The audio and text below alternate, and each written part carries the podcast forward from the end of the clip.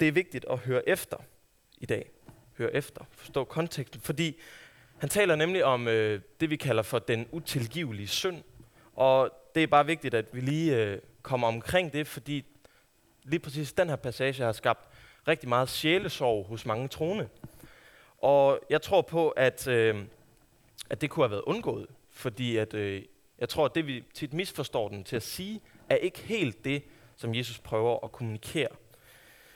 Og jeg havde egentlig tænkt mig at kalde øh, prædiken for Var din mund, men øh, alligevel kom jeg fra det, fordi øh, folk ville måske tænke, at jeg var en mærkelig prædikant, og mit eneste budskab var, at øh, I skulle tige stille. Øh, det, er ikke, øh, det er ikke det, jeg prøver at sige. Teksten handler om at tøjle sin tunge, at vare sin mund, at passe på, hvordan man bruger ordene. Men, men det går endnu dybere end det. Det starter et andet sted, fordi det handler ikke alene om, hvordan man taler, men det handler om det, der ligesom, det der ligesom, hvor det stammer fra. Den indstilling, man har. Teksten handler om, hvordan ens tale hænger sammen med ens indstilling til Gud.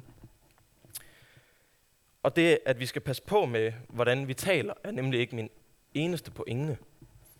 Øhm, og derfor har jeg kaldt prædiken for himlen står åben, hvilket jeg synes er, er fint i forhold til dagens gudstjeneste. Men øh, lad os rejse os. For det hellige evangelium skriver evangelisten Matthæus. Derfor siger jeg, al synd og bespottelse skal tilgives mennesker. Men bespottelsen mod ånden skal ikke tilgives. Og den, der taler et ord imod menneskesønnen, får tilgivelse, men den, der taler imod helligånden, får ikke tilgivelse. Hverken i denne verden eller i den kommende. Tag et træ. Enten er det godt, og så er dets frugt også god. Eller det er dårligt, og så er dets frugt også dårlig. For et træ kendes på frugten. Øjleyngel, hvordan skulle I, som er onde, kunne sige noget godt? For hvad hjertet er fuldt af, løber munden over med. Et godt menneske tager gode ting frem af sit gode forråd, og et ondt menneske tager onde ting frem af sit onde forråd. Men jeg siger jer, på dommens dag skal mennesker aflægge regnskab for et hvert tomt ord, de har talt.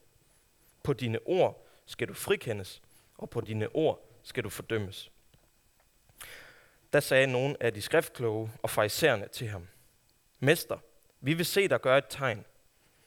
Men Jesus svarede dem, en ond og utro slægt kræver tegn. Men den skal ikke få andet tegn end profeten Jonas' tegn.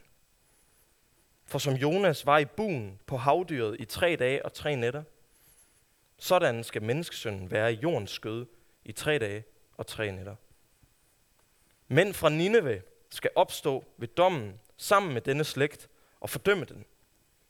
For de omvendte sig ved Jonas' prædiken. Og se, her er mere end Jonas. Og sydens dronning skal opstå ved dommen sammen med denne slægt og fordømme den. For hun kom fra jordens fjerneste egne for at lytte til Salomos visdom og se, her er mere end Salomo. I må gerne tage plads. Lad os lige bede. Kære himmelske far, jeg beder dig om, at du må tale til os nu, og at du må tale til vores hjerter, og at du må kalde os i Jesu navn. Amen. Det dagens lange evangelietekst kan forstås til at sige, er, at en simpel fejl i den måde, som du omtaler Gud eller taler til ham, betyder, at du har begået den allerstørste, den allerstørste fejl i evighedernes evigheder. Den utilgivelige synd. Men det er ikke det, Jesus siger. Da jeg gik i 7. klasse, tøjlede jeg ikke min tunge for at sige det mildt. Jeg stod foran øh, Randers Friskole ude på vejen og skulle spille lidt smart foran mine venner, og jeg talte grimt. Jeg sagde blandt andet, ej, jeg har ikke lige tænkt mig at sige eksempler på, hvad jeg sagde, det ville være upassende, men det var før, at jeg fattede, at det er ikke, øh, det er ikke sejt at tale grimt. Det var før, jeg fattede det. Og så kom en lærer ud til mig og råbte af mig og sagde, Sebastian, var din mund. Og det var akkurat de ord, som vedkommende brugte. Og lad os nu forestille os, at øh, jeg havde kommet til at tale grimt om Helligånden, eller om Gud, havde inddraget Gud i den snak. Havde jeg så bespottet Helligånden? Det er jo et reelt spørgsmål ud fra den her tekst. Men nej, vil jeg sige. Det er ikke det, som konteksten fortæller os i dag. Jesus viser os i dagens evangelietekst, at vores egentlige holdning til noget afsløres ved vores ord. For eksempel siger Jesus, at vi kan kende et træ på dets frugter. Du kan kende et menneske på, hvordan vedkommende taler til andre og omtaler andre. Og derved afsløres menneskets indstilling til for eksempel Jesus eller de andre kristne. Og hvorfor er det sådan, kan man spørge? Jo, jeg tror, at Jesus han siger sådan, fordi han gerne vil fremstille konsekvensen af indstillingen, af den holdning, der ligger bagved talen. At det er farligt. Ordene er nemlig en afsløring af holdningen. Jesus siger alvorligt, på dine ord skal du frikendes, og på dine ord skal du fordømmes. Og for isærne, helt ærligt, de var ikke værre mennesker, end vi er i dag. Det, øh, de har et dårligt rygte, men det synes jeg egentlig ikke, de fortjener på, på den måde. De er faktisk ret nice i samtiden på Jesu tid. Der var de faktisk rimelig good guys, og enhver svigermors drøm. Og så gjorde de en kæmpe forskel i lokalsamfundet. De var prædikanter og alt muligt.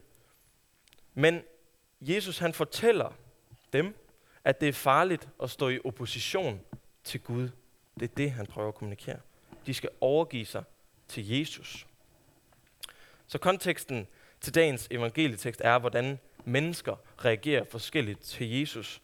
Og her taler Jesus til dem, som er allermest imod ham på det her tidspunkt.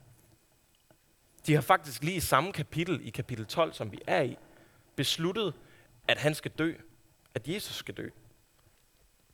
Dem, der burde kende til Guds barmhjertighed og Guds retfærdighed i det gamle testamente allerbedst, og om profetierne om Messias allerbedst. Og Messias, lad mig lige sige hurtigt, det betyder Kristus. Øh, Jesus Kristus, det er ikke hans efternavn. Det er ikke fordi, at Maria hed Maria Kristus, og Josef hed Josef Kristus. Kristus er en titel, og det handler om, det handler om en profetisk krigerkonge, konge, som skal komme udsendt af Gud for at gøre Guds gerning.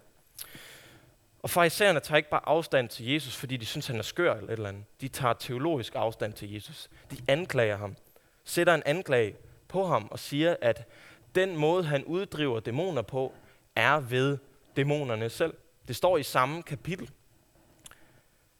Og det er en rimelig alvorlig anklage.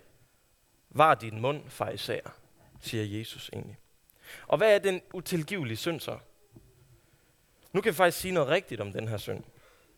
Meget sjælesorg, som jeg sagde, og uro i menneskers trosliv kunne have været undgået, hvis man forstod konteksten. Har jeg måske begået den utilgivelige synd? Det har jeg tænkt før. Men den utilgivelige synd handler om, at de beskylder Helligåndens gode og frigørende gerning gennem Jesus for dæmonbesatte mennesker og for syge mennesker er at være satans gerning. De hader det, Jesus gør så meget, at de planlægger at skaffe mig vejen. De ønsker at stoppe Guds mission. De står i op- opposition. Direkte opposition. Og her ligger Jesus ikke fingrene imellem, og det er virkelig alvorligt, for at sige det mildt. For det første viser Jesus, hvor ulogisk det er at sige, jamen øh, det er ved Satan, at han uddriver Satan. Det viser Jesus for det første, hvor ulogisk det er i samme kapitel. Og så advarer Jesus dem på det kraftigste om konsekvenserne på deres oprør. Og derfor taler han om dommedag. Hvert tomt ord, som han siger, skal betales tilbage. Hvert eneste ubrugeligt ord, som de udtaler. Jesus han er den længe ventede Messias, som blev sendt af Gud til at frelse enhver, som tror på ham. Og den, der står imod Jesu tydelige gerning, som er god, står imod Gud. Og man stiller sig i et sådan forhold til Gud, at man lever i oprør. Ikke bare imod sandheden, men i direkte oprør, selvom man ved om sandheden og forsøger at undertrykke dem. Så den utilgivelige synd, fortæller konteksten os, handler om, at man har besluttet at modarbejde Gud, selvom man har set Guds gerning virksom. Og der er tilgivelse for alle, der omvender sig til Jesus. Alt er noget. Alting. En hver kan blive frelst. Det skal vi ikke glemme her, fordi det er ved tro, at vi frelses. Det er ved tillid til Jesus, at vi frelses. Men det nye testamente ligger ikke fingrene imellem, når der tales om de u- uomvendte hjerter. Heller ikke, når man har set Gud og stadig ikke omvender sig. Kort sagt handler den utilgivelige synd om, at man tilskriver Helligåndens gode gerning til Satan i et forsøg på at modarbejde Gud. Og den utilgivelige synd er derfor ikke et enkelt tidspunkt, hvor mennesket tvivler eller kommer til at tale over sig, som for eksempel da jeg i 7. klasse kom til at tale rimelig meget over mig, og jeg fik at vide, var din mund, Sebastian. Det handler om en besluttet holdning, som modarbejder Helligåndens gerning, som de religiøse ledere her i teksten er et eksempel på. Man har så at sige lukket døren bag sig, låst den og smidt nøglen væk helt bevidst, selvom man vidste, at det var godt at være derinde. Så hvis du bekymrer dig om, om du har gjort den, så er du ikke utilgivelig. Fordi farisæerne bekymrer sig i hvert fald ikke om det, Jesus sagde. Det står der i hvert fald ikke. Farisæernes oprør er, at de ikke ønsker at stole på Jesus som frelser. Og den måde, de gør det på, er ved at bruge Guds lov. De gør den til deres egen lov. Og så bruger den i egen henseende. De tager den ud af Guds hænder og bruger den til eget formål. Og her afsløres deres indstilling. Det, at de taler imod helligånden, viser deres indstilling. Jesus siger, hvad hjertet er fuldt af, løber munden over med. De vil ikke glæde sig over det gode, der sker. Deres begrundelse er til, at de tager afstand på den her måde, er, at Jesus kan umuligt være udsendt af Gud, når han går med den og den slags mennesker. Så kan han umuligt være udsendt af Gud. Og konsekvensen er, at de ikke stiller sig i det rette forhold til Gud og Guds lov. Og det betyder, at de ikke vil acceptere lovens tale ind i deres samvittighed. De gør Guds lov, hvis formål var at tugte til Kristus, som er bare en gammel måde at sige, lede dem og drive dem til Kristus, pædagogisk, tvinge dem frem til at se, at Jesus er den eneste redning. Loven skulle med andre ord lede dem frem til Jesus, og det er syndens herredømme, der modarbejder. Syndigheden i vores menneskelighed ønsker ikke at stille sig i det rette forhold til Gud. Det ønsker ikke at stole på Gud. Det er i oprør, og vi gør det alle sammen. Som barn, og så vidt som stadigvæk, bliver vi provokeret, hvis vi får at vide, det må du ikke. Og så ønsker vi ikke at leve i lydighed. Og det, at vi ikke ønsker at leve i lydighed til det bud, er en konsekvens af synden i os. Farisæerne stiller sig ikke ind under lovens tale, som hedder, du lever ikke op til loven. Du er ikke et perfekt menneske. Derfor skal du søge tilgivelse hos den eneste, som kan give tilgivelse og frelse. Og det her eksempel skal advares om ikke at gøre det samme. Fordi det er kun hos Jesus, at der findes frelse. Og det er en smerte, når vi ser ansigtet af vores egen syndige person, som giver sig til kende ved for eksempel, at vi taler hårdt til andre mennesker. Når vi taler hårdt og smerter dem. Specielt dem, vi burde tale allerpænest til. Vores nærmeste. Det er en smerte, når vi skuffer. Specielt når vi skuffer vores familie og os selv over den, det vi nu gør, og det, det vi nu føler, vi kunne gøre bedre. Og det er der, det er helt naturligt at føle os anklaget og føle os skuffet over os selv og tænke, at vi ikke fortjener tilgivelse og ikke fortjener Gud.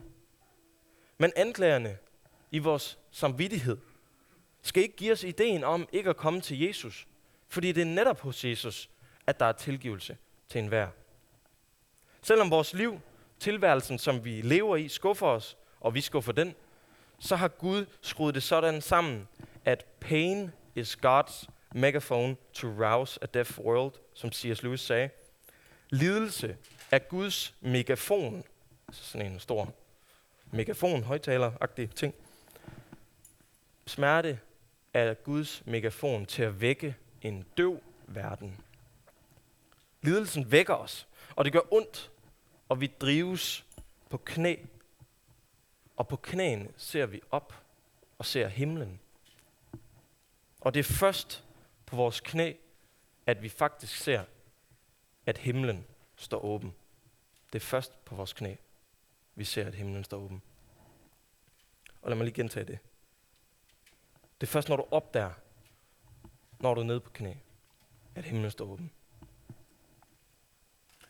Og der ser vi, at Gud har banet vejen for dig og mig til hans nærvær i kærlighed og tilgivelse. Så dagens evangelietekst skal ikke fortvivle os, fordi det har ikke været Jesu intention om at fortvivle os. Det skal tilværelsen og os selv nok sørge for. Nej, dagens evangelietekst skal advare os om konsekvensen ved at modarbejde Jesus og stille sig i opposition og ikke leve i tillid til ham. Og jeg taler tit med unge mennesker, det er ligesom det, jeg arbejder med. Og jeg tror, at det er en almindelig gyldig ren regel, at de problemer, vi allerhelst vil undgå, driver os hen til den eneste, som kan fri os af problemerne. Selvfølgelig taler vi alle sammen også om, at vi kan blive desorienteret midt i vores smerter, i vores problemer. Og nogle gange kan smerte og lidelse drive os helt desorienteret væk fra Jesus for en tid. Men det betyder ikke, at døren er lukket permanent.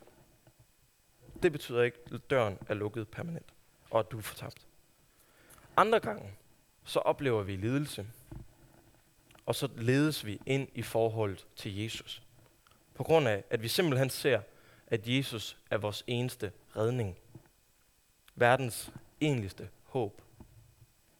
Det, at vi lever i et forhold til Jesus, det kommer ikke af en overskudstilstand, af at vi på en eller anden måde er gode nok til at gå i et forhold til Gud. Nej, det kommer altid af en underskudstilstand. Jeg har brug for Jesus, og det kommer af en kommen til kort. I mit møde med verden og i mødet med mig selv oplever jeg at komme til kort. Nu kommer der en engelsk sætning igen. Undskyld. Men crooked sticks draw straight lines. Just look at me, sagde Lecrae, en amerikansk rapper. Gud er ikke færdig med dig og mig, bare fordi vi er fulde af fejl og mangler. Fordi vi kommer til at sove og tale hårdt imod, og nogle gange flygte fra Gud. Nej, nej. Han kan stadigvæk, som Lecrae siger, tegne lige linjer med krogede pinde. Det kan han stadigvæk gøre. Også selvom du og jeg øh, kommer til kort.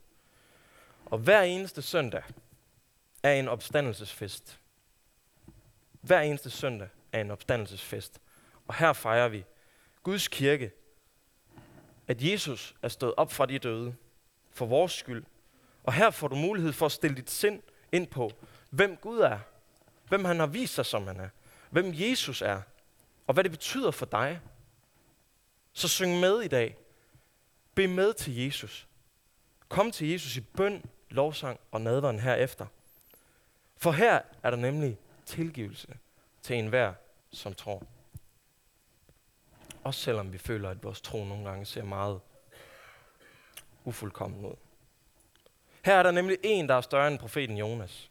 Her er der nemlig en, der er større end Salomos visdom. Så kom op til nadveren. Gå på knæ. Sammen med resten af os. Og så skal du få tilgivelse ved Jesus kors. Amen. Lad os bede sammen.